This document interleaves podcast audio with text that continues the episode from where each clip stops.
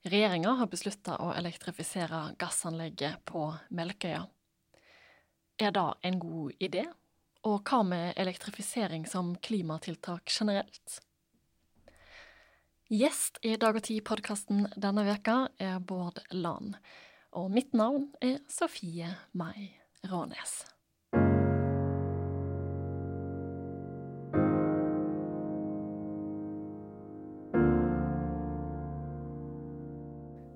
Velkommen, Bård Land. Takk. Du er forsker og skribent, og tilsatt som postdoktor ved Universitetet i Oslo sitt Senter for teknologi, innovasjon og kultur, forkorta til TIK. Du er òg tilknyttet Cicero, Senter for klimaforsking, som seniorforsker. Du har forska på norsk og internasjonal klimapolitikk, ressursforvaltning og oljepolitikk. Du har òg arbeidet for Natur og Ungdom, Naturvernforbundet og Regenskogfondet. Og du er gjest hos oss i dag for å snakke om et tema som er i vinden for tida, nemlig elektrifisering av Melkøya.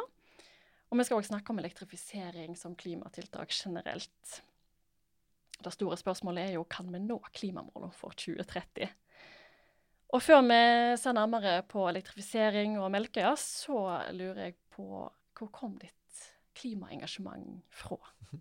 Ja, um, jeg har jo jobba med klimapolitikk på forskjellige måter uh, ja, hele, altså helt siden jeg var ferdig med, med grunnskolen, nærmest. Uh, først som, uh, først som aktiv i Natur og Ungdom, og etter hvert andre deler av miljøbevegelsen som på en måte aktivist og prøve å påvirke påvirke norsk klimapolitikk. Og så har jeg etter hvert blitt mer og mer opptatt av å prøve å skjønne hvordan de politiske prosessene henger sammen, og studere på en måte hva det er som som gjør det så vanskelig da, å bli enige om noen ting når det gjelder klima. Eh, så derfor har jeg, har jeg, gått mer inn i, inn i forskning og, og um, ja, for å prøve å forstå de tinga der. Men det som jeg syns er det aller viktigste, og på en måte hovedgrunnen til at jeg eh, har vært så opptatt av klima, klima som problem, da, eh, det er jo egentlig fordi altså, det er, ligger så mange lag av urettferdighet i, i det problemet. At, altså at, at eh, klimaendringene rammer så skeivt eh, at noen folk vil bli veldig hardt ramma og ha veldig dårlige muligheter for å tilpasse seg de endringene som kommer, mens andre deler av verden og andre mennesker mye, vil ha mye lettere for det. Mm. Og at vi samtidig vet at det er tilsvarende skeivt hvem det er som har bidratt til problemet. At noen har noen står for fryktelig store utslipp, noen land står for fryktelig store utslipp, noen uh, næringer står for fryktelig store utslipp, noen personer, på, eller eh, hvis man skal gå på liksom enkeltindividnivå gjennom livsstil og sånt, står for veldig, veldig, mye større klimapåvirkning enn andre. Sånn at det er, det er noen sånne ja, veldig grunnleggende urettferdigheter i klimaproblemet som, som gjør at jeg har syntes at det har vært viktig å mm. jobbe med. Mm. Mm. Men nå er du tilknyttet dette her senteret eh, for teknologi, innovasjon og kultur, som er et sånt eh, tverrfaglig mm. senter. Mm. Er det noen diskusjon der rundt f.eks. klima og rettferdighet? Eh?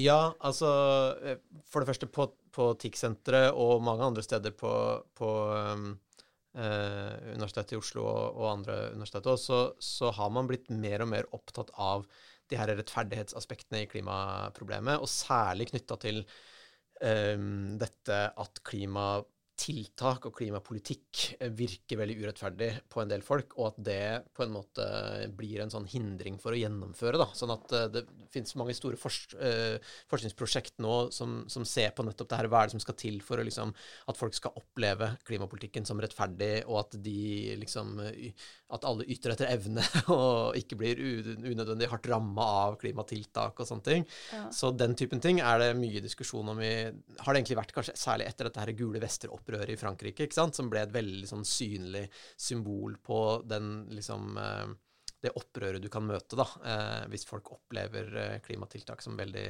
urettferdig. Og på en måte er det jo litt sånn skygger av den typen problematikk vi ser i debatten om, om elektrifisering av oljeindustrien her i Norge. Fordi vi ser jo at sant, en av de tinga folk reagerer på, og det skjønner jeg veldig godt, er liksom at her får du et stort tiltak som gjør at oljeindustrien får ned sine utslipp, mens konsekvensen for resten av oss blir at vi må betale høyere strømpriser, ikke sant. Og det ligger det en sånn åpenbar fordelingseffekt i som, som ikke oljeselskapene trenger å bry seg om, men Nei. som åpenbart skaper en sånn eh, politisk backlash, da. Ja, for det har jo vært et av argumentene for nettopp elektrifisering av Melkøya, som er da tema for Mm. i dag. Jeg skal bare si et par ord om akkurat det. Ehm, for uh, de fleste har sikkert fått med seg det allerede, at regjeringa har bestemt at Equinor-anlegget skal elektrifiseres fra land. Og dette vil da estimert kutte 850 000 tonn i årlige CO2-utslipp fra gassturbinene på øya. Og Det blir òg pekt på at dette her kan være et godt tiltak for å beholde arbeidsplasser i regionen. Tenker du at dette her kan være et godt klimatiltak?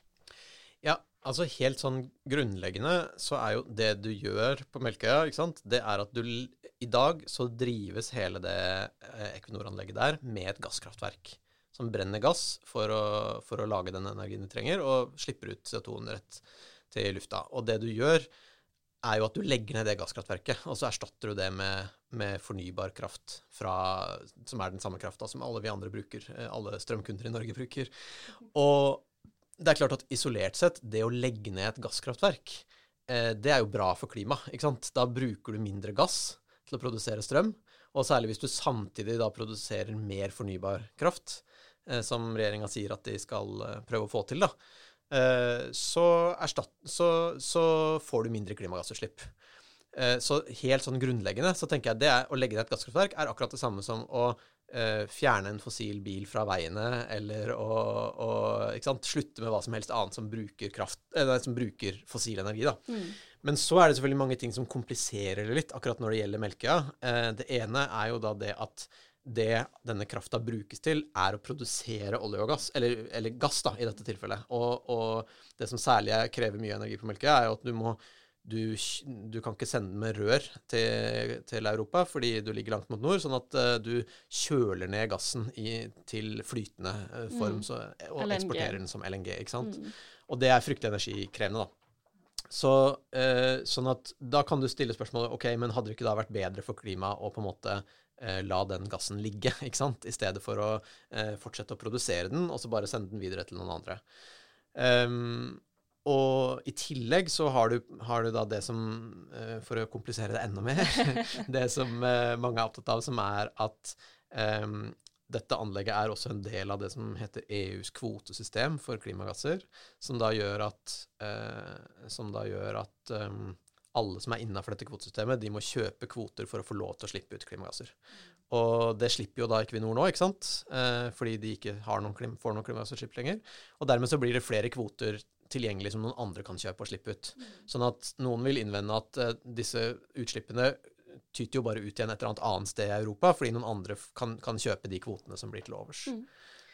Ja, det er jo nettopp da at det er nesten vanskelig å skulle finne gode argument for elektrifisering av Melkøya. Det er, som, som du nevnte, dyrere strømpris for, eh, for egentlig alle i Norge, spesielt kanskje det i nord. Gassen blir brent uansett en annen plass. Eh, men regjeringen må jo ha tenkt gjennom dette. De må jo ha, de kan ikke bare måte, tenke at Equinor eh, de ønsker å elektrifisere, så da gjør vi det. Eh, hva er logikken bak her? Ja, altså eh, Det er flere ting, da. Men, men logikken først og fremst er jo altså For det første så tenker jeg at dette her gassen blir bare brent et annet sted. Eh, det er bare delvis et godt argument. Fordi at det, på en måte, det, det samme kan du jo egentlig si om alle klimatiltak. ikke sant? Hvis du slutter å sykle til jobben, så eh, blir jo den bensinen solgt til noen andre og brent uansett. Ikke sant?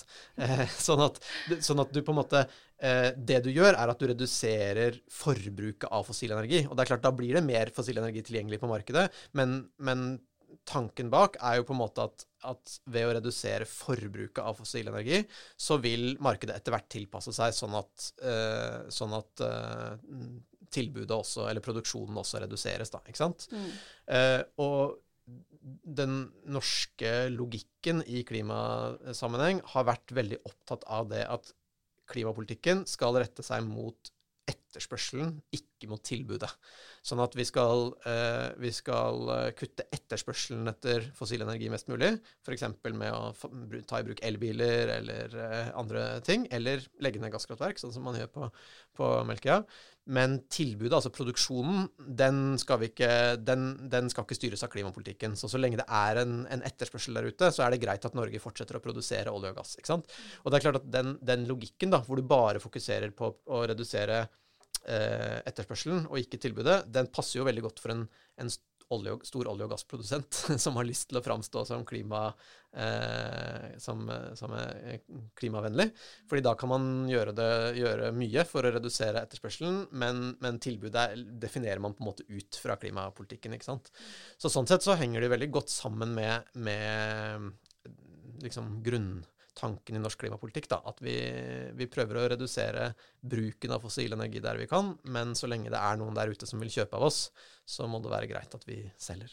Ja, for dette her vil jo, elektrifisering vil jo føre til at, eh, at Snøhetta-feltet, som er kobla til eh, Snøhvit. Snø, mm. ja, unnskyld. at Snøhvit-feltet som er kobla til eh, Melkøya, at, den, at den kan være i drift lenger. Ja, og det mener jeg jo er kanskje litt sånn underkommunisert her, at den beslutninga som regjeringa har tatt, er jo ikke først og fremst en beslutning om et klimatiltak. Den er jo først og fremst en beslutning som trengs fordi at uh, hvis, du hadde, hvis, du ikke hadde, gjort noe nå, tatt noen nye beslutninger, så eh, ville jo Snøhvit-feltet måtte stengt ned om bare noen få år. ikke sant? Sånn at det regjeringa først og fremst har gjort, er å gi Equinor tillatelse til å drive feltet lenger, og de har gitt dem det de trenger for å få til å drive feltet eh, lenger. Eh, og fordi det, det krever mer, energi, da, eh, som, som, de får fra, gjennom elektrifiseringen. Så det er det ene. Og så det andre er det at, at eh, Eller den andre grunnen til at Equinor gjerne vil elektrifisere, ikke sant, det er at Equinor og andre oljeselskap må etter hvert betale en veldig høy kostnad for sine CO2-utslipp. Og det er jo også et resultat av en villet politikk, ikke sant? En klimapolitikk som, som har blitt bestemt både av EU og Norge. Um, og, og, på litt lengre sikt framover så uh, vil jo den typen anlegg som altså oljeinstallasjoner eller gassinstallasjoner uh, offshore, vil jo måtte drive nærmest uten utslipp, fordi at uh, de er en del av EUs kvotesystem. Og om en 20 års tid så, være, så er det ikke meningen at det skal være noen kvoter igjen i det systemet. Da skal, da skal de utslippene være mer eller mindre borte. ikke sant? Sånn at hvis norske oljeinstallasjoner skal drives med et 20-30-40 års perspektiv framover, så må man regne med at de må bruk, drives med kraft fra land. Men Er det rett bruk av fornybar energi? da? Du tenker, altså Melkøya er allerede selvforsynt med energi, selv om det er fossil energi. da. Mm. Eh, denne nye energien som etter planen da skal bygges, kunne den blitt brukt på en bedre måte? Den kunne blitt brukt til masse annet, selvfølgelig. ikke sant? Den kunne blitt brukt til Og, og, og det er jo et av, de, et av de, på en måte tunge argumentene, syns jeg, i denne saken her, da, at, at eh, i dag så er det lett å skjønne at regjeringa på en måte eh, vil strekke seg langt for å forlenge levetida til Snøhvit-feltet, fordi at Hammerfest området er jo fryktelig ensidig avhengig av, av, den produksjonen som skjer der, og virksomheten på Melkøya, for, uh, for, bosetting og, og, og, næringsliv. ikke sant? Men, men, det du, men, det du, gjør når du binder opp veldig store ressurser i å videreføre den virksomheten, i stedet for å gjøre kraft tilgjengelig som kan brukes til andre ting, ny, ny uh, industri og sånt, det er jo at du på en måte viderefører bare den avhengigheten. da, Så du bygger deg mer og mer inn i uh, en sånn avhengighet av å, av å fortsette med, med, olje og gass. ikke sant? Mm. Så, så, det er gode argumenter for at man burde prioritere uh, kraft til ny og kanskje på en måte grønnere eller mer framtidsretta næringsvirksomhet. Men er, men da er på en måte, tenker jeg, det viktigste valget du, du, står overfor da, er på en måte Ønsker vi å binde opp de her ressursene? Altså ønsker vi å ha en olje- og gassvirksomhet framover, så må man på en måte regne med å måtte bruke en del eh, kraft til den virksomheten. Da. Så alternativet for å frigjøre kraft, og også frigjøre andre ressurser, men folk og kompetanse og alt sånt, til å bygge opp nye næringer, det er jo å begynne å holde litt mer igjen på olje- og gassvirksomheten. Da får du frigjort mye, mye ressurser til andre ting. Ja, det har jo vært mye snakk om energikriser, gasskriser, strømkriser og sånt. Eh, så det er jo ikke sånn at altså, Sånn som jeg har forstått det, så trenger vi fremdeles olje- og gassindustrien for å ha nok energi, da. Det er òg et stort eh, tema. Du så som du ville kommentere det. ja, det er et stort tema. Og her er, spiller det jo veldig stor rolle liksom, hvor, uh, hvor, kort eller lang sikt du snakker på. ikke sant? Mm. Fordi at nå, særlig nå, for Europas del, eh, siden man plutselig har eh, Siden russisk gass plutselig har falt bort, ikke sant, så er det helt åpenbart at Europa har jo et veldig stort behov for gass, og kommer til å ha det i, i en god del år framover. Men samtidig så har jo eh, den, den energikrisa som man har vært, igjen, eller, ja, har vært gjennom nå i Europa, har jo også eh, økt presset for å kvitte seg mest mulig med gass i det europeiske energisystemet. Sånn at på litt lengre sikt så er det jo mye mer usikkert hvor mye gass egentlig Europa, som er det viktigste markedet for norsk gass, eh, hvor stort behov det kommer til å være da. Kan vi på en måte se for oss at um, som et annet argument for elektrifisering da, av Melkøya, at den gassen som etter elektrifiseringa blir til over, så kan bli gjort om til LNG og sendt til Europa, kan den uh, gjøre en forskjell et, Være et klima Altså gjøre et forskjell med tanke på klima fordi at det kan bidra til f.eks. at uh, en legger ned kålkraftverk og bruker gass som tross alt er bedre, da? Ja, ja da. sånn at det, det, Det er det en god del sånn faglig diskusjon om. på en måte Hvis du skal lage et veldig nøyaktig regnestykke, ikke sant, så må du ta med eh, Du må ta med hva blir den gassen som da blir frigjort, som man kan sende til Europa, hva blir den brukt til? ikke sant? Hvis den erstatter kull, så er det åpenbart bra for klimaet. Eh, men hvis den også bidrar til å øke det samla kraftforbruket, eh, så er det ikke bare bra. ikke sant? Og, og, så må du også da ta med hva kunne man ellers ha brukt den eh, fornybare krafta som man elektrifiserer til. Eh, eller som man bruker når man elektrifiserer. Da, kunne man ha eksportert den til Europa, eh, så kunne den også ha vært med på å erstatte kullkraft. Sånn at du kan lage veldig, veldig kompliserte regnestykker rundt dette her. Og, og, da kan eh, økonomer som eh, liker å regne på sånne ting, kan ha lange og, og i, i, og for seg interessante debatter om liksom, hva blir totalresultatet eh, av, sånt, av et sånt regnestykke jeg, er ikke så opptatt av det, fordi at den, den der direkte klimaeffekten som du kan regne deg fram til her og nå, er på en måte litt mindre viktig når hele, energi, det, hele det europeiske energisystemet skal bygges om. ikke sant? Vi, vi vet at altså, hvis eh, EU skal nå de klimamålene som de har satt seg, og skal trappe ned eh, hvor mye kvoter som skal være tilgjengelig i kvotemarkedet, sånn som man har eh, lagt opp til og sånne ting. Så altså, all kullkraft og sånt må bort da uansett. Og, og, hele kraftsystemet mer eller mindre må, må, på en måte avkarboniseres, eller man må fjerne mer eller mindre alle utslipp fra, fra kraftsystemet. da. Enten ved å, ved å, fjerne alt av både gass og kull og erstatte det med fornybart, eller ved å bruke karbonfangst og -lagring på den gassen man eventuelt har igjen og, og bruker. ikke sant?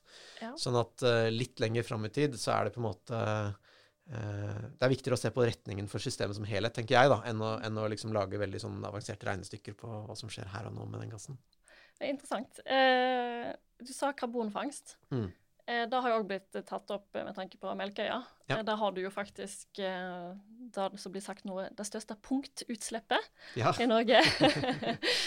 eh, og at det da kanskje kunne vært mulig, når du, når du først er kobla opp til et uh, gassfelt, å kunne pumpe ned. Altså Absolutt. lagre den CO2-en, da. Og det, det, som er at på Snøhvitfeltet så lagrer man jo CO2 allerede, ikke sant? Fordi at man tar ut gass, nei, unnskyld, man tar ut CO2 fra gassstrømmen som, ta, som, kommer opp fra feltet, og sender den CO2-en tilbake. Sånn at du kunne selvfølgelig eh, Så har du da mye av infrastrukturen som trengs for å eh, lagre CO2, hvis du da også fanger CO2-en fra gasskraftverket. Mm. Og det blir jo framholdt som et sånn uh, kinderegg i denne situasjonen, ikke sant? Fra, fra uh, de som ønsker å, å, unngå å bruke kraft til å elektrifisere. Uh, og det kan godt hende at det hadde hatt kjempegode effekter, både fordi du ville spart fornybar kraft, og fordi du da også vil bidra til å få teknologiutvikling og, og ta CO, C, altså karbonfangst- og lagringsteknologien mer i bruk, da, som trengs. Eh, så sier Equinor at det blir fryktelig dyrt, og så har man en krangel om det. det og det er ikke jeg noen ekspert på, så det kan ikke jeg si, si, så mye om. Men hvis vi ser litt på fornybar energi, da, eh, så er det jo så vidt jeg har forstått, vindkraft som er det mest aktuelle å Mm. bruke i, i nord. Det er jo ustabil energi, i motsetning til olje og gass og atomkraft. Er det reelt å få til en 100% elektrifisering av Melkøya? Ja, altså fordi det du ville, fått, det du ville gjort da, ikke sant, det er at du ville bygd ut mye ny eh, vindkraft i Finnmark. Det er det som er regjeringa sin plan. Sånn at du øker den totale energiproduksjonen i Finnmark. Men det er jo ikke snakk om at Snøhvit eller Melkøya-anlegget bare skal være knytta til vindmøller, sånn at når det ikke blåser, så må du stenge det ned. ikke sant? Og da, da, da, vil, du, da vil du mate den eh, vindkrafta inn på nettet som er der fra før, sammen med all den vannkrafta som man har der eh, fra tidligere. Og da, og da bruker du den vannkrafta til å balansere ut. Og det er jo grunnen til at vindkraft egentlig er veldig godt egna i det norske energisystemet. Eller for å si det på en annen måte, så er Norge et, et bra land å bygge vindkraft i. Fordi vi har eh, den vannkrafta vi har, så kan, har vi, er vi på en måte veldig godt rusta til å jevne ut de der eh, toppene og bølgedalene eh, mellom eh, når, når det blåser mye og når det ikke blåser. Da.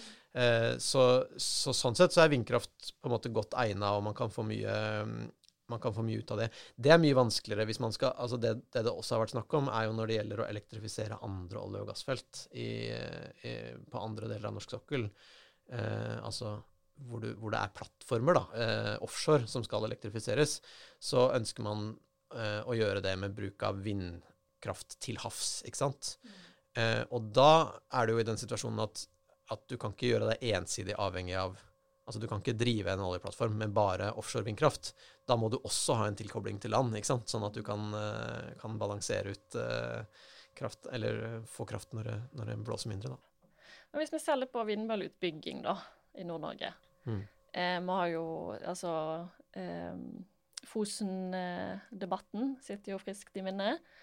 Eh, urfolksretter, eh, naturvern. Mm.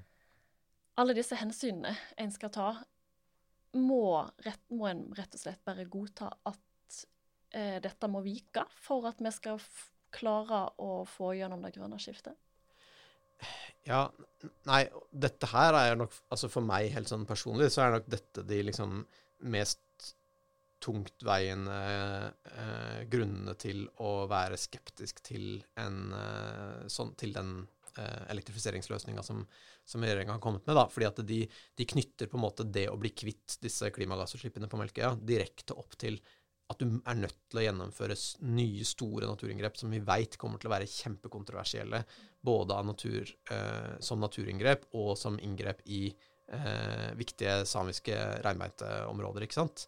Eh, og sånn at eh, jeg tror at overordna sett så er vi nødt til å god, måtte godta en del naturinngrep for å uh, få til eh, Altså, det er så stor skala da, på den fossile energien som må helt bort hvis vi skal få bukt med klimaendringene, at, eh, at vi, vi får ikke til å gjøre det uten naturinngrep.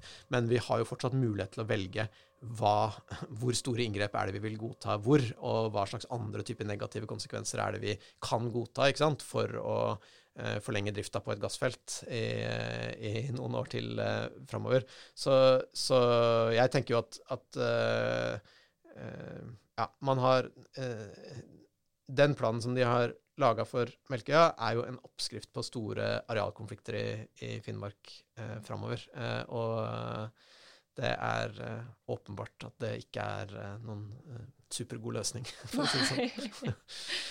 Å bygge ut vindkraft og demme opp elver og, og innsjøer, det er jo òg Det er jo utslipp der òg.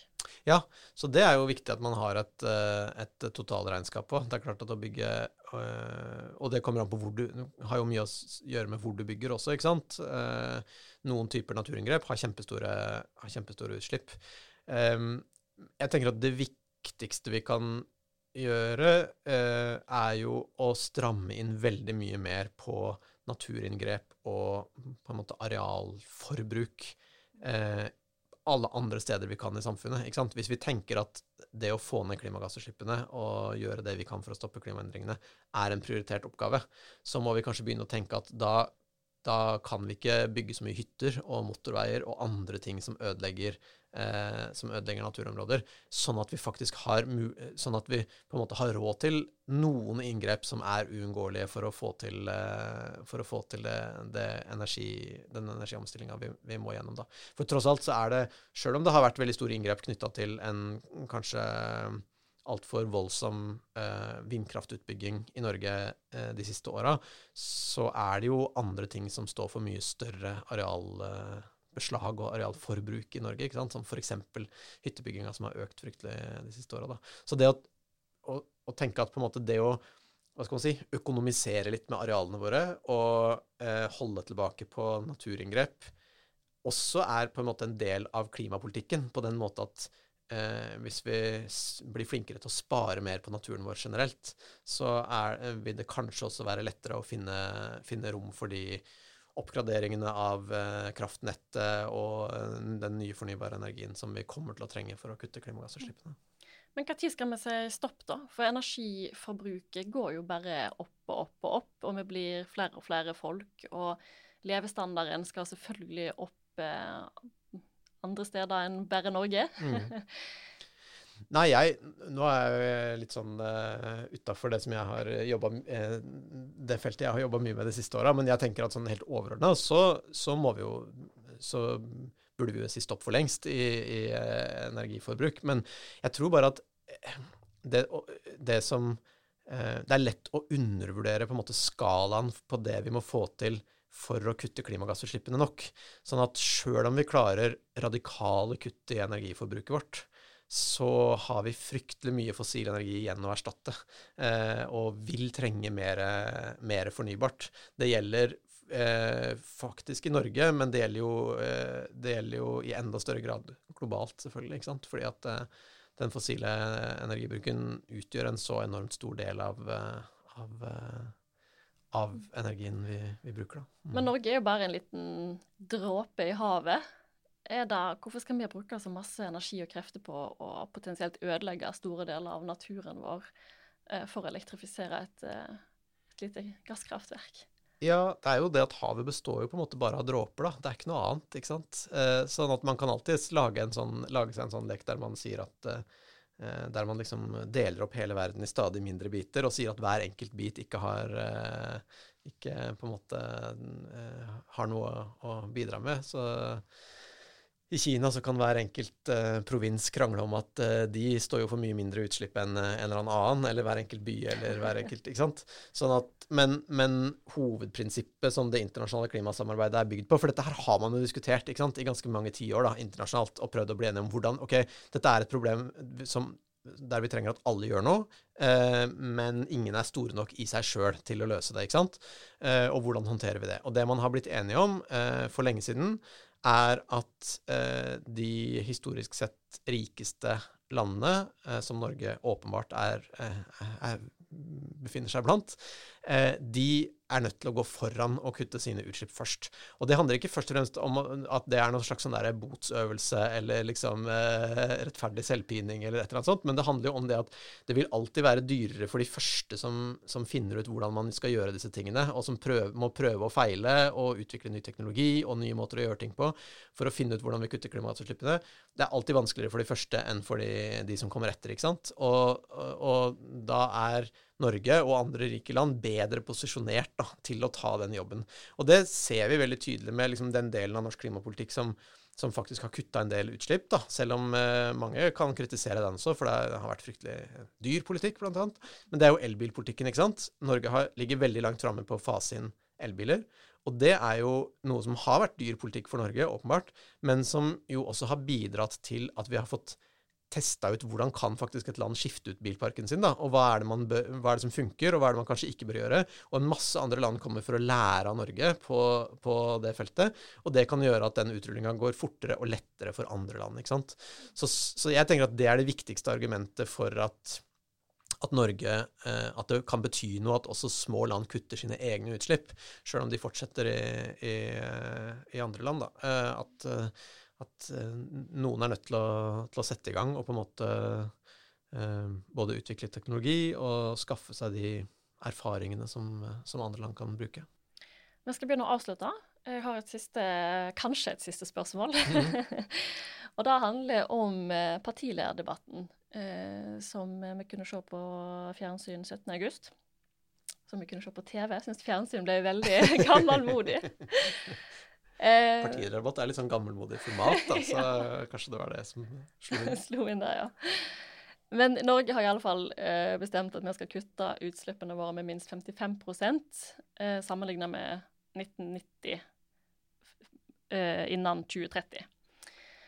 Og på denne partilederdebatten så ble eh, politikerne spurt om eh, de som trodde at vi kom til å nå dette målet innen 2030, om de kunne rekke opp hånda. Eh, da var det kun Støre som rakk opp hånda, litt forsiktig. Hadde du rekt opp hånda? Nei. Nei, jeg hadde ikke det. Og jeg veit ikke hvorfor Støre Altså om han har så enorm tro på, eh, på, at vi liksom er på god vei, eller om eh, det mer handler om det at en statsminister må kanskje, må kanskje i hvert fall eh, eh foregi å ha tro på den politikken han har forplikta seg til. Nei, altså det er jo ingenting som tilsier at vi når det, vi når det målet. Hvis man, hvis man Mm, hvis man mener det målet som regjeringen har satt, som er at vi skal kutte de norske innenlandsutslippene med 55 ikke sant? Men det som er litt sånn interessant, er at Og dette her føyer seg jo inn i en lang tradisjon som vi har i Norge, for å sette klimamål som er litt sånn passe forvirrende, sånn at ingen helt skjønner hva som ligger i dem. Eh, og så eh, ender man med at utslippene ikke går så fryktelig mye ned. sånn at for de fleste av oss så framstår det som ganske åpenbart at eh, målet ikke ble nådd. Men så har man likevel klart teknisk sett å nå det, fordi eh, pga. måten målet er formulert på. Fordi hvis man ser på hva Norge har faktisk sagt internasjonalt, altså i Parisavtalen, at vi skal gjennomføre, så har vi sagt at vi skal kutte 55% ikke av nødvendigvis av de norske nasjonale utslippene, men vi skal kutte 55% i samarbeid med EU. Sånn at Norge og EU som helhet skal til sammen kutte 55% av sine utslipp. Mm. Og Det betyr at har, det er en åpning der for å på en måte bytte utslipp med andre EU-land. Og det gjør vi gjennom dette kvotesystemet f.eks. Og også, vi har også andre muligheter for å på en måte betale andre europeiske land for å kutte utslipp for oss. Sånn at eh, Sånn at på papiret så kommer Norge helt fint til å klare å nå det målet som vi har satt for 2030, og som vi har fortalt resten av verden at vi skal nå. Eh, men, det trenger, men, det kommer ikke til å bety at hvis vi går inn på det norske utslippsregnskapet og ser hva er faktisk de norske utslippene i, i, i 2030, så kommer nok neppe de til å være kutta med, med 55% sånn som har vært regjeringens ambisjon. Da. Mm. da setter vi strek der denne gangen. Tusen takk, Bård Land, for at du kom til studio. Takk skal du ha.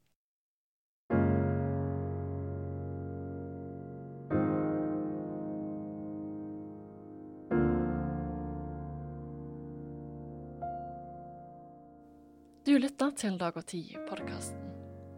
Har du tilbakemeldinger på podkasten vår, så send meg gjerne en e-post. Adressa er sofie.krøllalfa.dagogtid.no. krøllalfa Takk for at du lytta.